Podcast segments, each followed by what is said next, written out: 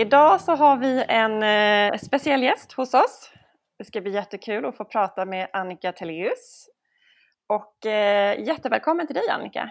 Tack så mycket, jättekul att vara här. Väldigt roligt. Du har ju en bakgrund eh, inom textilekonomi, eh, pluggade på Textilhögskolan i Borås och eh, har sedan varit ett antal år på Sellbets inom e-commerce bland annat. Och sen har du en lång karriär inom H&M. Är det 16-17 år där? Ja, stämmer. Just det. Marknad, affärsutveckling, marknadsanalys och så vidare. Ja. Och sen så valde du att bli egenföretagare för två år sedan i utvecklingsverkstan. Mm. Kan inte du berätta, vad var det som fick dig att lämna din fantastiska trygga anställning och eh, gå vidare och bli egen? Mm.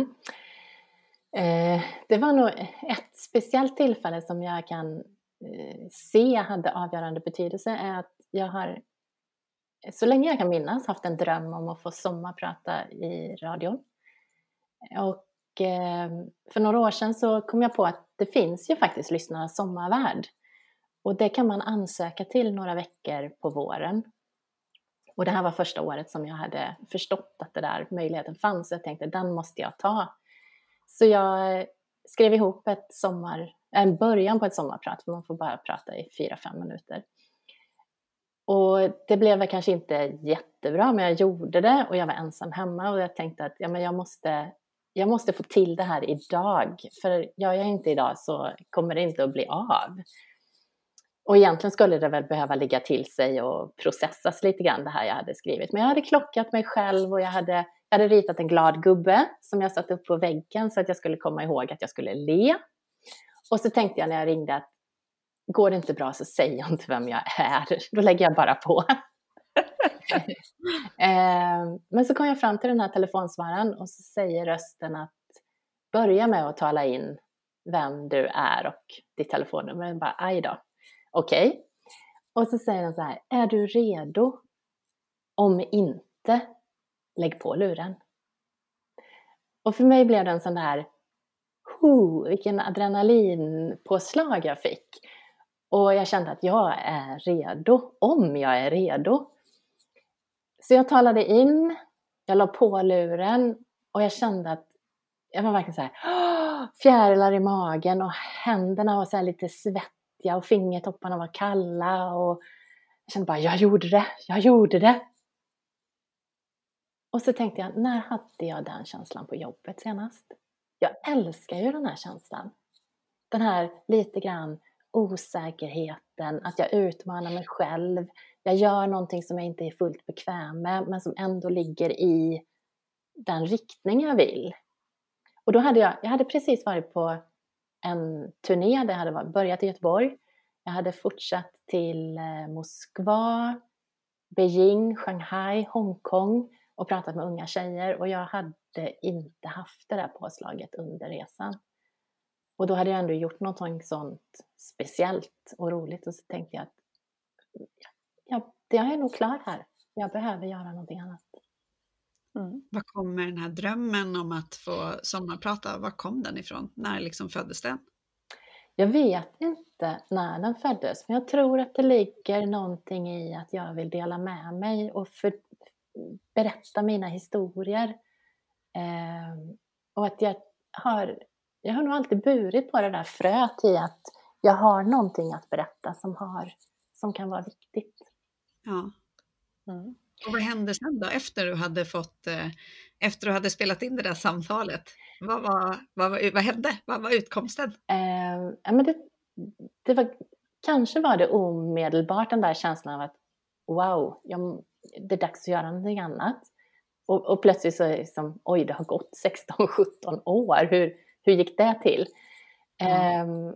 men det, det var ju, processen var ju inte lika omedelbar, den kanske startade där.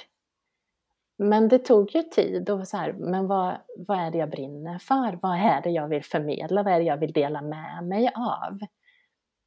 Um, så att det blev väl en utforskande resa. Och där jag kände att ja, men jag vill jobba mer med människor, jag vill jobba med utveckling. Eh, ska jag kanske till och med läsa till psykolog? Är det på den nivån jag vill? och så börjar jag inventera, men vad är det jag har? Eh, om jag tittar på det jag har samlat på mig, vad är det jag tror att jag kan förmedla till andra, som andra kan ha nytta av? Mm. Och då blev det att jag, jag ritade upp, eller jag gjorde papper. Eh, det här är tillfällen när jag känt, känt att jag har kommit till min rätt. Eh, där jag har varit i mitt esse. Eh, och så la jag ut dem och så tänkte jag, kan jag se en röd tråd i det här? Och då blev det så här, ja, men det är ju faktiskt lyssnandet. Jag har varit runt och lyssnat på kunder, medarbetare runt om i världen professionellt i så många år och har sett att det är ju faktiskt när jag lyssnar riktigt bra som jag kommer till min rätt och som de runt omkring mig kommer till sin rätt. Att vi kan, vi kan lyssna varandra bättre. Kan du inte berätta lite om det du säger att du har varit runt och lyssnat i världen? Vad menar mm. du då? Ja, men jag jobbade, jag byggde upp en avdelning på H&M inom kundinsikt. Och eh, då ville man veta hur kunderna tänkte och tyckte. En av de första som hörde av sig det var landschefen i eh, Sydkorea som ville veta hur man eh, såg på H&M i Sydkorea. Och då åkte en kollega och jag dit och eh, genomförde fokusgrupper. Nu gjorde vi dem inte själva för det var ju naturligtvis tvunget att vara på koreanska. Men vi hade en moderator som, vi hade gjort en samtalsguide på engelska. Fokusgrupper är när man bjuder in kunder och så har man, eh, det kanske är eh, åtta stycken, och en samtalsledare som leder ett samtal enligt ett manus för att ställa frågor för att de här kunderna ska eh, kunna uttrycka det de vill. Och då sitter min kollega och jag, vi sitter alltså bakom en sån här spegelglas och så har vi hörlurar på oss med simultantolk så att vi tittar och lyssnar eh, samtidigt som de genomför de här grupperna. Och det var ju väldigt, väldigt spännande. Sen var vi runt på man blir medveten om att det är stora kulturella skillnader, man tolkar saker på olika sätt.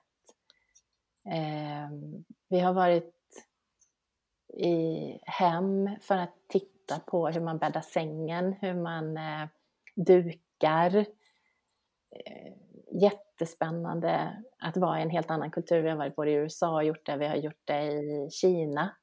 Och det är ju sällan man på, när man är ute och reser annars, kommer hem till någon som bor i ett land och, och kliver in i deras vardag och verklighet. Och eh, det blir många mm, förvecklingar man kommer på. Jag har, det har varit väldigt tydligt för mig att jag kommer med mm, mycket förutfattade meningar. Jag kommer med otroligt svenska, ett svenskt synsätt. Jag har liksom som ett par svenska glasögon på mig och ser världen genom. Så att det har väl varit en grej i min karriär, att försöka ta av de här svenska glasögonen och försöka se mer objektivt på saker och ting. Mm.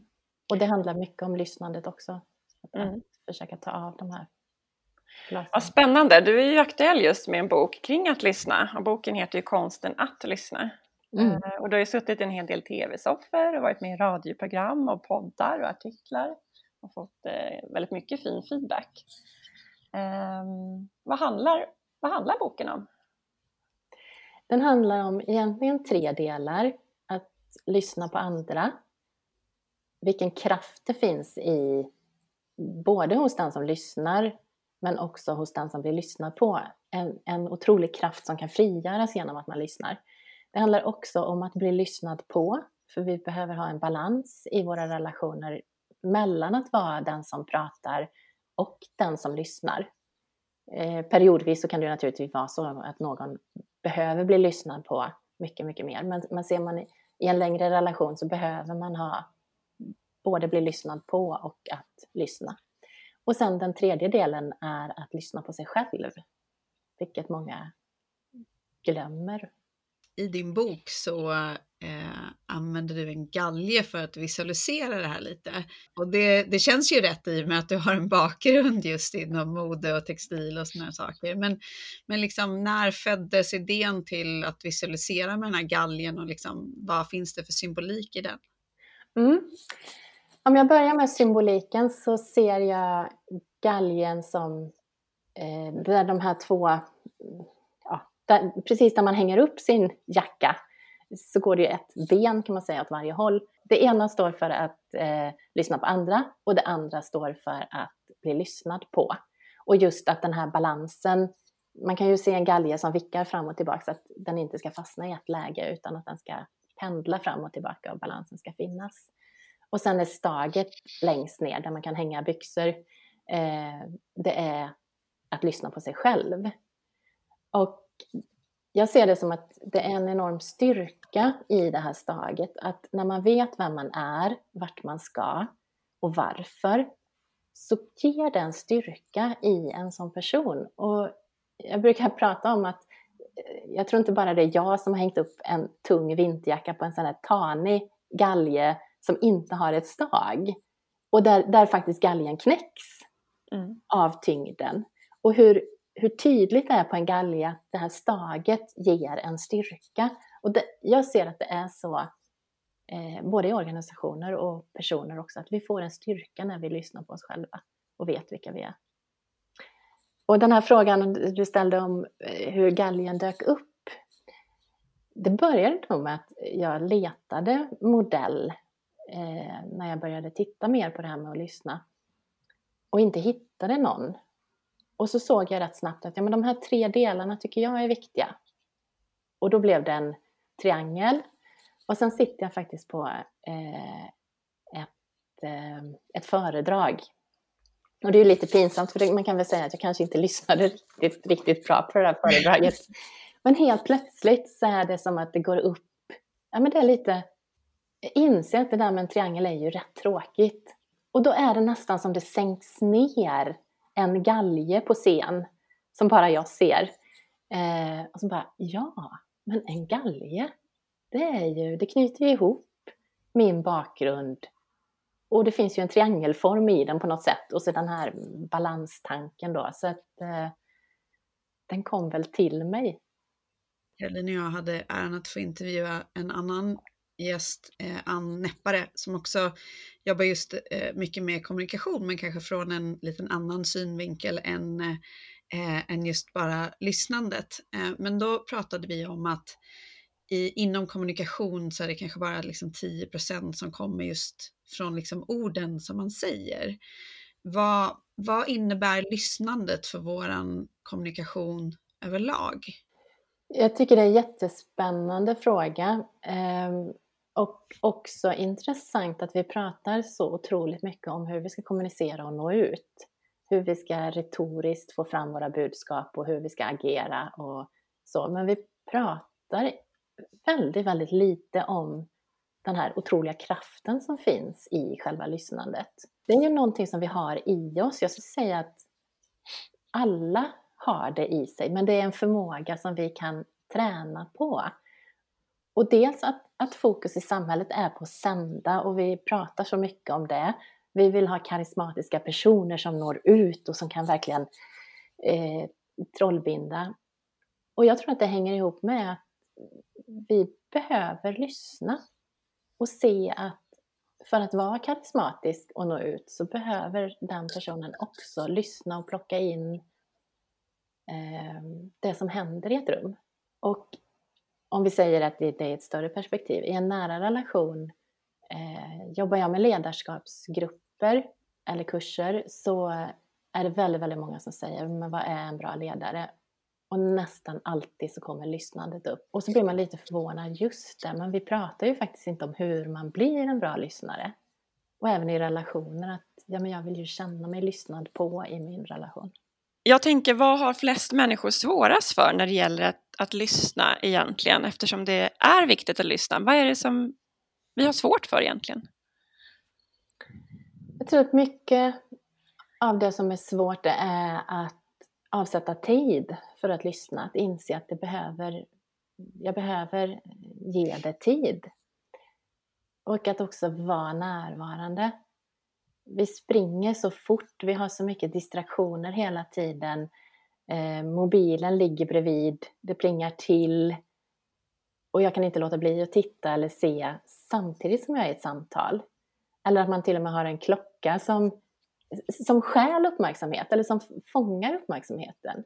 Och att kliva in i samtalet.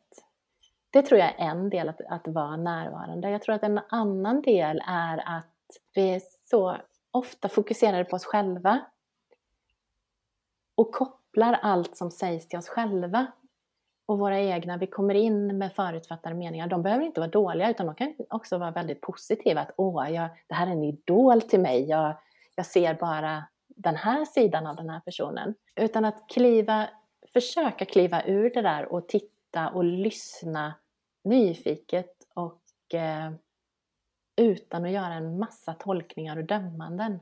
Ja, i boken så skriver du, eh, det var en del som fångade mig. Du skriver så här, ett sätt att se på lyssnandet är att dela in det i tre delar. Vad du säger, vad du menar och hur jag tolkar det. Jag tyckte det var jätteintressant, för du är inne lite på det nu att, eh, att man behöver lyssna aktivt och kanske sätta sig själv lite grann i andra rummet till att börja med och ta bort sina tolkningar. Men jag tänker att det här är också väldigt viktigt i kanske mm, situationer där man är känslosam eller det är en konflikt eller liksom att man också försöker se bortom orden. Att, att lyssnandet handlar inte bara om det man hör utan att man försöker förstå och tänka på hur man tolkar och hur menar den andra personen. Just de två bitarna tyckte jag var intressanta. Mm. Har du upplevt någon sån situation själv då det har varit viktigt? Ja, eh, väldigt ofta. Eh, det kan ju vara både så här enkla sammanhang där man, där man gör en feltolkning eller att det där någon säger, man berättar någonting som är viktigt och så säger den andra, ja jag förstår precis och så berättar de någonting helt annat. Och det kan ju också kännas så här att nej, den där personen förstår inte precis. Då får jag ju på sätt och vis ett kvitto på att nej men då vet jag att den här personen har inte förstått men tror sig förstå. Och ibland kan det ju vara att eh, man går ifrån en situation och tror att man har förstått och så har man verkligen inte förstått eller man har inte nått varandra. Så att stämma av och hur man uppfattar saker och ting eh, det är också en nyckel i, i lyssnandet. Men om man som person känner att man hamnar i en sån situation där man inte har blivit lyssnad på eller kanske ännu värre att man, är, att man känner att man aldrig blir lyssnad på Eh, jag tror att det finns ju situationer, specifika situationer man kanske stöter på någon om man känner att man inte blev lyssnad på, men ofta kanske man kan förstå att den andra personen eh, inte var mottaglig just då eller det var fel liksom, tidpunkt man själv kanske valde att berätta sådär när, när man haffade någon i, i hallen på jobbet och den var på väg till ett annat möte och, och, och sånt är ju liksom förståeligt. Men jag tänker Eh, Eh, jag tror i alla fall att det finns, det är väl min förutfattade mening, att det finns människor ute i, i världen som känner att de aldrig blir lyssnade på eller i en relation att man känner att, att, att man ja, aldrig blir liksom riktigt lyssnad på. Vad skulle du ge för råd till en sån person? Jag tycker att det är viktigt att prata om att lyssna. Jag lunchade med en kompis för, ja, för länge sedan eh, som klagar på att hennes man, ja han kanske lyssnar men han kommer alltid, alltid, alltid med lösningar. Så fort hon berättar något så ska han lösa hennes problem. Och hon var så trött på det. Och då frågade jag henne, men har du bett honom om att bara lyssna utan att komma med lösningar? Och hon började ju skratta, hon bara, eh, nej det har jag inte gjort. Så att det där med att vi faktiskt kan vi kan be om att bli lyssnade och vi kan berätta om hur vi vill bli lyssnade på. Det behöver inte alltid vara likadant. Det behöver inte vara likadant med... Det beror på vem vi pratar med och det beror på situationen. Men ibland så kanske vi vill ha ett råd och ibland kanske vi bara vill att någon ska lyssna. Och den som lyssnar, vissa har ju man lutar sig framåt och man försöker ha ögonkontakt och man nickar det är ju en rätt vanlig tecken på att någon lyssnar. Någon annan kanske lutar sig tillbaka och blundar för att lyssna riktigt, riktigt bra. Och då behöver jag ju veta det och säga att ja, men den här gången vill jag, det är viktigt för mig att du är lite mer framåtlutad. För att då får jag känslan av att du lyssnar. Så att prata om vad är det, vad skulle du ge mig genom att lyssna på mig? Och inte, du lyssnar ju aldrig, utan berätta att för mig så känns det så här och det skulle kännas så mycket bättre och det här vill jag gärna dela med dig. Och jag skulle vilja att du möter mig här. Jag tänker att det där måste ju vara extra svårt när det gäller kanske, jag menar du som har jobbat internationellt, olika kulturer och hur vi liksom lyssnar, eh, hur man ser att en annan person lyssnar. Det kan ju te sig väldigt olika i olika kulturer också. Ja, det gör det ju. Eh, samtidigt finns ju längtan efter att bli lyssnad på eh, lika starkt i alla, tror jag. Mm. Men hur gör man för att brygga just den där kulturella då? Jag tänkte, du berättade ju om att ni var, eh, ni fick äran att, att, komma hem till, till, eh, till folk och se hur de bäddar och dukar och, och eh, stå bakom ett glas och, och titta på fokusgrupper i, i Sydkorea och så. Hur liksom, ja, men hur gör man om man om man eh, eh, är i en situation där man kommunicerar med människor som kanske inte bara en annan kultur eller många olika kulturer. Hur gör man liksom för att anpassa sitt lyssnande eller att brygga det gapet? Ett sätt är ju att fråga eh, hur, hur ska vi hantera det här i den här gruppen? Vad händer? Hur känner ni er lyssnade på? Och hur ska vi se till att alla i den här gruppen känner sig lyssnade på? Och då kanske det finns eh, olika sätt. Eller så hittar man ett gemensamt. Men att, att bara lyfta upp frågan eh, gör att det händer rätt så mycket. Ja. För det är ju sällan man pratar om det där i en grupp. Varför tror du, var, varför tror du att man eh, att vi pratar så lite om att lyssna och så mycket om att prata och hur man pratar och just retorik och sådana saker. Vad tror du är bakgrunden till det? Ja, spännande. Har ni någon teori själva? Alltså jag tror att, eh, jag tror nog att folk kanske är lite otåliga. Och om man, om man ska prata just om lyssna, det krävs att man, eh, att man taggar ner lite, att man tar sig tid. Det, det tar mer tid eh, och koncentration att lyssna än att prata. Och sen har väl, jag tror att alla vill ju bli alla vill bli sedda.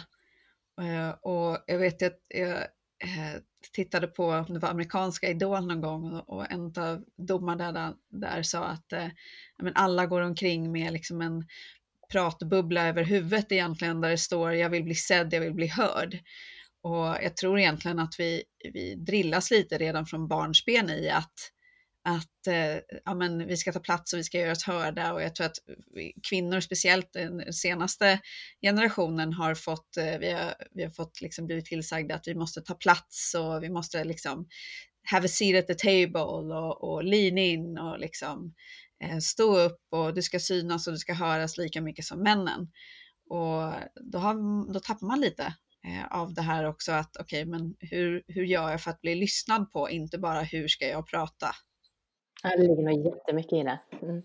Varför tror du lyssnandet är en faktor till framgång i arbetslivet då? Ja, men tittar man bara på vad vill man ha av en god ledare så vill man ha någon som lyssnar. Så att jag tror att det är grundläggande. Sen behöver ju inte lyssnandet innebära att jag håller med eller att jag lyder. Utan, men bara att visa någon att ja, men jag har lyssnat på dig jag har ändå fattat ett annat beslut, men det här som du har sagt, det har jag tagit hänsyn till när jag har fattat beslutet. Det känns så väldigt mycket bättre än att nej men det, jag vill inte ens höra vad du säger för jag kommer att fatta mitt beslut utan att lyssna på dig. Mm. Och det är verkligen ett sätt att skapa inkludering tror jag också. Ja. Och fatta bättre beslut. Ja, det jag tyckte om när jag läste din bok, det var att du blandar väldigt mycket egna personliga anekdoter och upplevelser, eh, väldigt öppet. Eh, men också att du varvar med en del fakta och liksom studier. Mm. Eh, och var en sån som fastnade. Jag tycker ju väldigt mycket om studier. Caroline gillar, gillar, gillar siffror, men det är bra. Det är bra. Ja, men jag tycker det, ja, det är kul när man kan liksom underbygga det man, det man har upplevt och erfarit. Eh, och då beskriver du i boken då att Google hade en satsning i ett projekt som hette Projekt Aristoteles. Ja. Eh, där man då försökte ta reda på hur man skapar team som trivs och hur de är kreativa och eh, ja, kan inte du berätta om vilka faktorer som var liksom viktiga där? För det här tyckte jag var super intressant. Mm. Eh, man tog jättelång tid på sig, man stoppade in i princip allt möjligt i det där. Och när, när den här, det var väl inte riktigt så enkelt som att maskinen spottade ut ett svar efter några år, men eh, det man kom fram till det var att grupper som var de mest välfungerande, de trivdes, de var effektiva och det, det som skilde dem från andra grupper det var att de upplevde psykologisk säkerhet. Och den fick man framförallt genom två saker som verkligen har med lyssnandet att göra. Alla i gruppen kände sig lyssnade på. Man turades om att prata. Så att man såg verkligen till att alla blir lyssnade på, inte bara den som är mest på och mest högljudd och gör sin röst hörd, utan även de som eh, har en liten annan personlighet som kanske är mer tillbakalutade och, och lite tystare, eh, mer reflekterande, utan man såg verkligen till att alla var, och man visade också, den andra faktorn var att man visar att man lyssnar. Men hur gör man för att alla ska bli lyssnade på?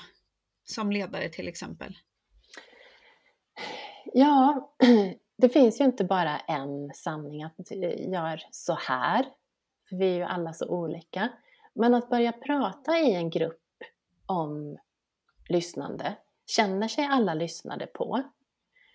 Och det kanske inte är sådär att man ska, åh nu går vi rundan och så får alla två minuter, för alla är inte bekväma med det sättet. Eh, utan lyfta upp, då kanske man inte ens ska göra det i en hel grupp från början utan man kanske ska ställa frågan och låta vissa besvara den eh, i förväg på en enkät. Men se till att folk får berätta om hur vill jag bli lyssnad på. Och jag kanske, några kanske behöver mer tid att fundera igenom saker. Det är inte så att här presenteras en idé och jag kommer genast med ett motförslag. Någon kanske behöver en vecka på sig att processa någonting. Men att det också ges utrymme för, eh, för den typen av person att komma till tals. Eh, så det är en, en del att prata om det. Jag hade en grupp som jag jobbade med där jag sa att ja, men det handlar om man lyssnar mycket bättre när man har varma öron. Så jag hade en mössa som jag drog på mig eh, för att illustrera att ja, men man måste ha mössan på sig. Både när man eh, pratar, men också när man lyssnar, att se till att jag, jag vill väl eh, och jag är beredd att lyssna, jag har tiden, jag har mössan på mig. Så att de började faktiskt prata om, eh, när det var någon som sa någonting, så bara vänta lite, jag måste bara sätta på mig mössan och, och, det blev så eh, tydligt för dem att jag har inte alltid mössan på mig. Så att för att få de bästa förutsättningarna så måste jag se till att sätta på mig mössan. När jag läste boken så tycker jag också att den är egentligen inte bara, det här är min tolkning, det är egentligen inte bara en bok kring att lyssna utan det är väldigt mycket självledarskap, det är coachning, det är coachningsmetoder som ligger där i. Eh, och det är också ja, men som en livscoachbok skulle jag säga. Den liksom berör många aspekter som är utöver bara att lyssna. Eh, var det tanken när du skrev den? För den upp, du beskriver också delar av ditt egna liv, en del privata delar, eh, exempel från det. Men var tanken liksom att det skulle bli mer en livscoachbok? Ja, vad roligt att du säger det. Det är nog en bieffekt snarare. Jag ser att de, det är de positiva effekterna som kommer ut av lyssnandet. Att också lyssna på sig själv och eh, både i med och motgång. Vad var det som fick dig att samla dina tankar och idéer i, i en bok? Det var väl den här längtan efter att eh, nå ut och känna att ja, men jag har någonting som jag vill dela med mig av, som är viktigt. Eh, vi behöver börja prata om det här. Att det finns, eh, det finns en sån kraft som vi har lite undertryckt. Och det händer så mycket om jag kan visa att jag lyssnar och lyssnar riktigt, riktigt bra på dig så händer det ju någonting i dig. Du känner dig sedd, du känner dig accepterad. Dina tankar får tid att falla på plats. Och när jag kan lyssna på det där sättet utan att avbryta, utan att döma, utan att tolka så händer det ju också någonting i mig för då får jag chans att se saker, det blir inte så hårt och polariserat eller konflikter blir så hårda utan finns viljan i mig att försöka förstå, jag behöver inte hålla med, men var kommer det ifrån? Vad är det som har hänt i dig? Var står du? Att försöka kliva över till den andra personen och se världen därifrån.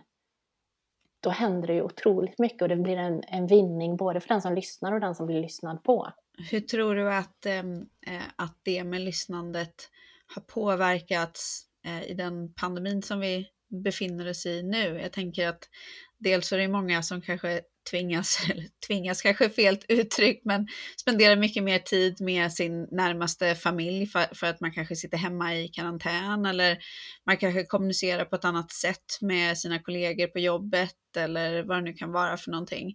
Jag tänker, eh, det pratas ju en hel del om att vi kommunicerar på ett annat sätt antingen som vi gör idag när vi sitter och spelar in, när vi har videolänk och, och och, och ljudlänk sådär sida vid sida, eh, spelar in podden på distans. Eh, men, eh, men som sagt var även hemma att man kanske spenderar mer tid med varandra där man annars kanske var ute på olika andra tillställningar. Vad har liksom hänt med lyssnandet sedan corona kom till våran värld? Mm. Eh, en sak som jag märker är att många har tid, mer tid och att det väcker när, när världen har kullkastats lite grann på det här sättet som ingen av oss eh, räknade med för ett år sedan, att man också har ställt sig de där frågorna som är lite skaviga. Vad är det jag vill? Ska det vara så här? Och vad är det som är viktigt på riktigt? Så att jag tror att det är många som har haft tid, lite, grann, lite mer tid för reflektion i i förhållande till sig själv. Alla har vi ju sådana här pucklar som man tar sig över eh, i livet ju. Eh, och precis som du säger att man behöver lyssna på sig själv i det tillfället då.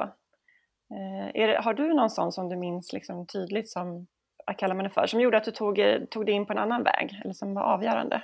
Mm, jag tror att den första som var stor och jättejobbig och på sätt och vis transformerande för mig det var att jag skilde mig rätt så tidigt i livet. Jag hade gift mig ännu tidigare i livet och eh, hade tappat bort mig själv i min... Jag, jag hade en bild av tvåsamheten där man inte fortsatte att vara två individer utan blev ett par. Och i den bilden så blev det ju en viss självutplåning för min del. Och att vakna upp i det där och inse att oj, jag har tappat mig själv. Eh, det behöver inte vara på det här sättet. Hur ska jag eh, ta mig vidare? Eh, vad, vad, kan jag göra åt det och vad, vad vågar jag göra åt det? Och där egentligen, det var ju min känsla av att jag inte hade gått in i en tvåsamhet med rätt synsätt det var en jättefin kille som jag var gift med. Så det var inte det här att åh, jag lämnar för att åh, det här är, är jättesvårt. Men det var svårt att lämna för att det var ju på sätt och vis bra. Men jag hade inte rätt förväntningar, rätt förutsättningar och i det läget inte rätt känslor heller för att fortsätta. Så att det blev ett uppvaknande för mig och en, eh, att jag var så pass modig att våga skala. Jag tänkte, jag vet att jag satt så här, är jag så här tråkig ända in? Och så tänkte jag, ja, jag, jag måste ta reda på det. Det är som en lök, jag behöver skala av lager efter lager för att ta reda på det. Men jag vågar testa för det kan hända att det är genuint tråkigt ända in. Men eh, jag hittade lite andra spännande saker när jag skalade. Men det var en rätt så smärtsam process. Vad var det som fick dig att, du sa att du vaknade upp eh, ur det här och insåg att du hade kanske fel förväntningar på den här tvåsamheten. Vad var det som fick dig att vakna upp? Ja, vi köpte, vi hade gift oss, vi köpte hus och så pratade vi om, vi hade inga barn, men vi pratade om hur vi skulle göra i det här huset när barnen var små, vilka rum de skulle ha. Och sen så pratade vi om vad vi skulle göra med huset när barnen flyttade hemifrån. De här barnen som inte fanns. och då blev det lite så här, men vänta lite. Det känns ju som det är slut, det är klart. Det finns inget mer att läsa här i den här boken. Nej, nej men det, precis, det var verkligen som att det var en bok där det stod The End. Och så gifte de sig och så köpte de hus och så levde de lyckliga sina, alla sina dagar. The End. Och då, då blev det den där känslan, ja men om ingen vill läsa fortsättningen, vill jag leva fortsättningen? Hur, hur tog din man liksom, det här uppvaknandet från din sida? Det var ju jättetufft. Det kom ju från ingenstans. Och jag hade ju så mycket med mig själv i det läget så att det var inget vi kunde riktigt mötas i. Jag hade inte riktigt den själv, eh, självinsikten eh, som jag var tvungen att skaffa mig på egen hand. Så att jag kunde inte riktigt dela det med honom. Hur kändes det i det ögonblicket där när du ändå valde att lyssna på dig själv, att undersöka det här vidare? Vilka känslor hade du då? Nej men det var ju jättesvårt. Dels eh, att jag sårade honom, att jag upplevde att jag sårade honom. Och på sätt och vis berövade oss båda den här drömmen. Nu skulle vi ju, nu hade vi köpt det här huset, vi hade gift oss och vi skulle leva den drömmen och så plötsligt, jaha, är det inte ens min dröm? Det var ju väldigt mycket rädslor det var många som pratade om, ja men gräset är väl inte grönare på andra, ni har ju det bra. Jo, det har vi ju. Så att rädslan i, är jag så här tråkig ända in? Är gräset inte grönare på andra sidan? Har jag kastat bort någonting väldigt, väldigt värdefullt för ingenting? Eh, så mycket rädslor, mycket ensamhet, det var tufft. Och det var ensamt. För det var också så att ja, men då hade ju nästan alla kompisar gift sig och började skaffa barn. Det var lite grann som att galoppera på upploppet. Att eh, jag, jag var ju, ledde nästan ligan och sen, oj, så, så bröt jag mig ut ur det här. Och eh, och det blev ju en stor ensamhet i det. Men hur såg processen ut då? Du säger så du började liksom skala av den här löken för att se, är jag så här tråkig ända in i själen eller vad är jag för någon? Vem är jag för någon? Hur såg hela den processen ut för att sen kanske hitta tillbaka och lära sig att lyssna på sig själv och så? Ja, jag skaffade en liten lägenhet. Vi hade kvar huset. Vi gjorde någon eh, separation på prov för jag hade ju faktiskt aldrig bott själv. Vi hade träffats på gymnasiet och flyttat ihop eh, direkt efter det. Så att jag hade ju inte haft den där utforskande resan i vem är jag utan någon bredvid mig. Jag tog hjälp av en psykolog, någon som kunde ställa frågor på ett annat sätt som jag inte var förmögen till själv. Och sen blev det väldigt långsamt Eh, vad tycker jag är roligt? Vad har jag eh, slutat göra? Och, och vad är det för världsbild jag har av att man ska göra saker så här? Att det fanns en, eh, en sån norm, en sån mall som jag hade med mig. Och vad, vad kan jag ersätta den med? Och vad, vad är det som bubblar i mig? När, när får jag en sån här levande, bubblande känsla? Jag tror att jag hade varit väldigt eh, rädd för livets upp och ner. Eller framförallt för jobbiga känslor, ilska. Jag hade kapat av dem väldigt mycket. Så att, och ju mer jag tog bort det som var neråt och tufft så upplevde jag när jag tittade på det sen att även det som var uppåt kapades i samma omfattning så att det blev en väldigt, väldigt rak känslomässig linje på, på en rätt behaglig nivå i och för sig. Men där jag kände en, eh, att jag kanske behöver kliva in i de här inte lika trevliga känslorna. Eh, jag behöver tillåta mig att vara ledsen, jag behöver tillåta mig att vara rädd, jag behöver tillåta mig att vara arg. Och då kommer också högre toppar. Nu är jag rätt lugn och stabil som person, men, men ändå där, där, registret, där hela registret finns. Och att det finns en eh, kraft och styrka i det. Och det tror jag också, när jag tittar tillbaka, är en viktig del i lyssnandet, att ha koll på de här känslorna i sig själv. Om jag har slutit fred med rädslan, sorgen, ilskan i mig själv så har jag mycket, mycket lättare att möta den i någon annan utan att det gör ont i mig. Om jag lyssnar på någon som berättar någonting riktigt sorgligt så kan jag känna med den personen. Men jag behöver inte eh, kliva in i min egen sorg. Och jag tror att det kan vara att många inte vill lyssna, att man vågar inte vara kvar i, för att det väcker så mycket i, i en själv. Jag funderade över det du sa där med att man följer en norm. Jag tror att det är väldigt vanligt eh, att många man liksom har sin eh, väg utstakad på något sätt, att det finns en förväntan av att man ska, man ska plugga vidare kanske och man ska Sen ska man köpa en eh, lägenhet, en trea och sen så ska man gifta sig och efter det ska man skaffa barn och sen så ska man resa och det är liksom landställe och så vidare och så byggs det på liksom. Eh, jag tror att det är väldigt många som känner igen sig i det. Men då, eh, då funderar jag också på så hur, vilka tips har du för att man liksom ska bli uppmärksam kring att i alla fall ställa frågan, är det här för mig? Mm.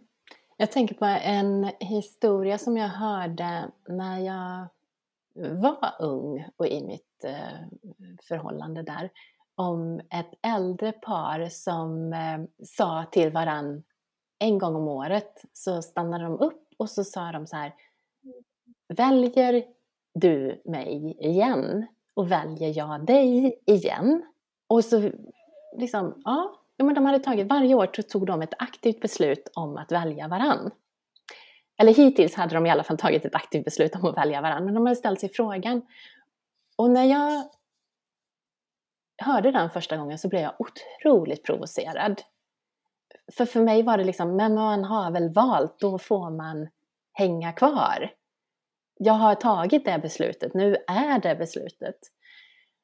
Och idag känner jag på ett helt annat sätt att jag tycker att wow, vad fint! Gång på gång väljer de aktivt varann. Och det tror jag är ett ställningstagande i livet, att fundera på, ja men vad, att göra någon form av inventering. Vad är det i mitt liv som fungerar? Vad ger mig energi? Vad är det för energitjuvar som finns?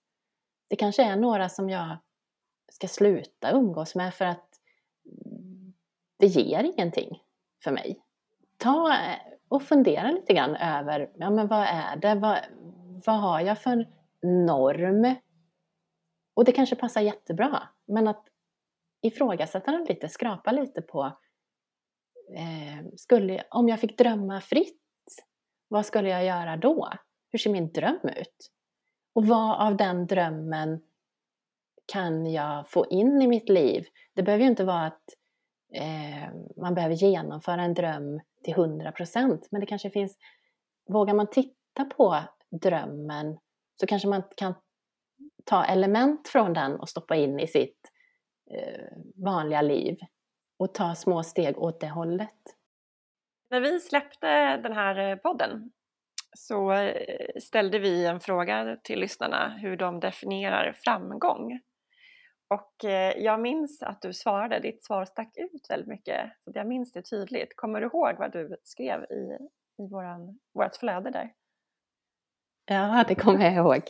Eh, när jag jobbade på H&M så eh, jag hade ju ett bra jobb, jag tjänade bra, eh, jag reste, det, det, var utvecklande och roligt. Jag hade ju varit på många olika avdelningar och sådär. Och traditionellt så var det ju framgång.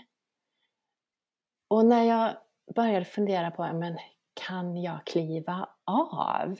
Kan jag säga nej till den här säkra inkomsten, till det här som ändå är roligt, spännande på, på ett företag där, där väldigt, väldigt många vill, vill jobba. Dök det upp hos mig att ja, men jag skulle ju, tänk om jag istället ska mäta framgång på ett annat sätt. Och vad kan det vara? Och då kom jag fram till att ja, men jag ska mäta framgång i gåshud. Och då tänker jag att in, inte den där obehagliga liksom, skräckgåshuden utan den där positiva man får när man känner att oh, här blev jag berörd. Här fick jag en fin känsla, det här känns rätt. Det hände någonting i mig. Så att dels när jag får den själv, när jag känner att wow, jag är på rätt ställe, jag gör rätt sak, det här är, är spännande eller det här är eh, känslosamt och fint eller jag kan tillföra någonting. Eller när någon annan, när jag har kanske berättat en historia, om jag har stått på scen och någon kommer fram efteråt och säger du när du berättade det här, det väckte så mycket i mig, alltså jag, jag fick gåshud när du sa det där. Då vet jag att ja, men jag har nått fram och då har jag ju orsakat gåshud på någon annan. Så att både den jag själv får och den jag faktiskt kan orsaka hos någon annan. Och då blev klivet mycket, mycket lättare att ta. För tänk, tänk en dag när livet är slut att kunna summera vad mycket gåshud jag orsakade i världen. ja, underbart! På tal om, eh, om framgång och eh, framgång som talare så kvalade ju du in på listan på Sveriges 100 bästa talare förra året. Hur kändes det? Eh, ja men fantastiskt roligt. Ja, det blev lite gåshud. Ja, ja. ja jag hoppas det. Jag tänkte hur, det finns säkert andra som eh, där ute som också känner att de har ett budskap och kanske drömmer om att ta det där klivet från den där fasta anställningen eh, till att starta eget och, och jag tror nog att det finns många som när de hör din historia kanske tänker att oh, jag skulle också vilja stå på scen och tala och jag brinner för ett ämne som jag vill dela med mig av. Hur gjorde du för att komma igång som talare? Det är ju inte direkt en, en bransch där konkurrensen är liten, utan det är ju en ganska tuff bransch ändå. Ja, eh, där är jag. Men att eh, utforska, att gå på kurs, att fundera på eh, hur, hur kan jag göra tekniskt sett, att lära mig tekniker för att tala. Men också hur kan jag utforska mitt ämne? Eh, och varför? Varför vill jag göra det här? För mig är det att jag har ett jättestarkt varför i att jag vill jag ser en bild av en värld där människor lyssnar på sig själva och på varandra i mycket, mycket högre utsträckning. Och jag ser att den världen är inte alls lika hård och polariserad som den världen vi ser idag. Så där finns mitt varför, att jag vill eh, jag har hittat på engelska att unleashing the power of listening. Att jag vill frisläppa eller släppa fri den här enorma kraften som finns i lyssnandet. Och för mig handlar det om att jag kan gå runt nästan och så fröer och sen är det upp till var och en att vattna och göda de här. Men att så fröerna. Så jag tror att mitt tips är att eh, försöka hitta sitt eget varför, utforska ämnet, testa och föreläs, bjud in kompisar. Nu digitalt är det ju jättelätt. Eh, se vad som funkar och vad som inte funkar. När, när får de som lyssnar gåshud? Och utforska de områdena mer. Och sen kurser. Jag själv har gått eh, bland annat Tala så det känns för Henrik Mattsson och Lasse Gustafsson. Fyra dagars utbildning eh, som passar mig jättebra. Eh, där jag också fick vänner för livet verkligen. Och där man eh, pratade mycket om att tala utifrån känsla. Att eh, när du är i din känsla och pratar utifrån det som är sant för dig så händer det någonting i andra. Så den kan jag tipsa om rent konkret. I din bok så, eh, om man tänker lite baksidan av att lyssna, eh, så pratar du om att eh, eh många ofta lyssnar och då tar på sig kanske både eh, känslorna av den som pratar men även uppgifter som den som pratar kanske har eh, i åtanke till exempel kanske på jobbet när någon säger att ja, men eh, jag vet inte riktigt hur vi ska lösa det här eller jag har så mycket nu och den där rapporten måste in eller den där presentationen måste göras. Och så innan man liksom märker det själv så har man hoppat in och sagt ja, men jag kan hjälpa till. Det kan jag fixa. Det kan jag göra. Och du pratar lite om den här apan som liksom hoppar runt och helt plötsligt så har man eh, 14-15 apor som sitter på axeln som man egentligen inte alls hade tänkt att att ha där. Kan inte du berätta lite, vad, vad kommer det här ifrån och, och eh, vad ska man göra för att kanske inte hamna i en sån situation? Mm. Eh, jag höll kurs eh, ihop med en kille som eh, berättade just det här exemplet, jag tror att det kommer från en bok, där han pratar om det här med att det är som att vi går omkring med apor på våra axlar. Att våra bekymmer eller problem kan vara som en apa på axeln. Och när man kommer till någon för att få hjälp med sitt problem så kan det ibland vara så att lyssnar den här personen bra så knuffar man över apan till den andra och så går man väldigt lättad därifrån. Och är man då den som lyssnar eh, utan att sätta gränser så kanske man hamnar där med en massa apor som egentligen är andra personers problem. Och då kan ett sätt vara att istället för att var snäll och ta emot apan, sätta en gräns och eh, ställa frågan istället. Okej, okay, och vad ska du göra åt det?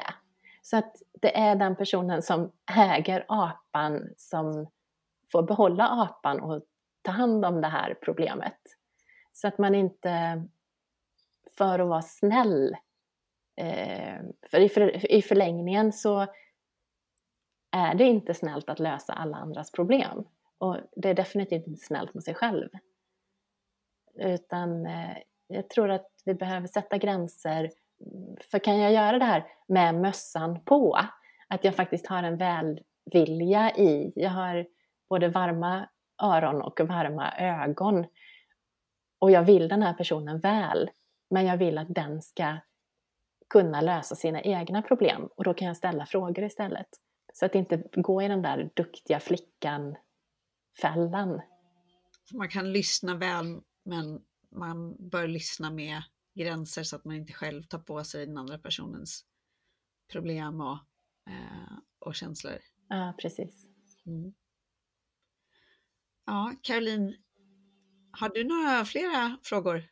Ja, jag har en sista fråga och eh, jag funderar på vem skulle du vilja lyssna till i våran podd framåt om du fick välja och önska?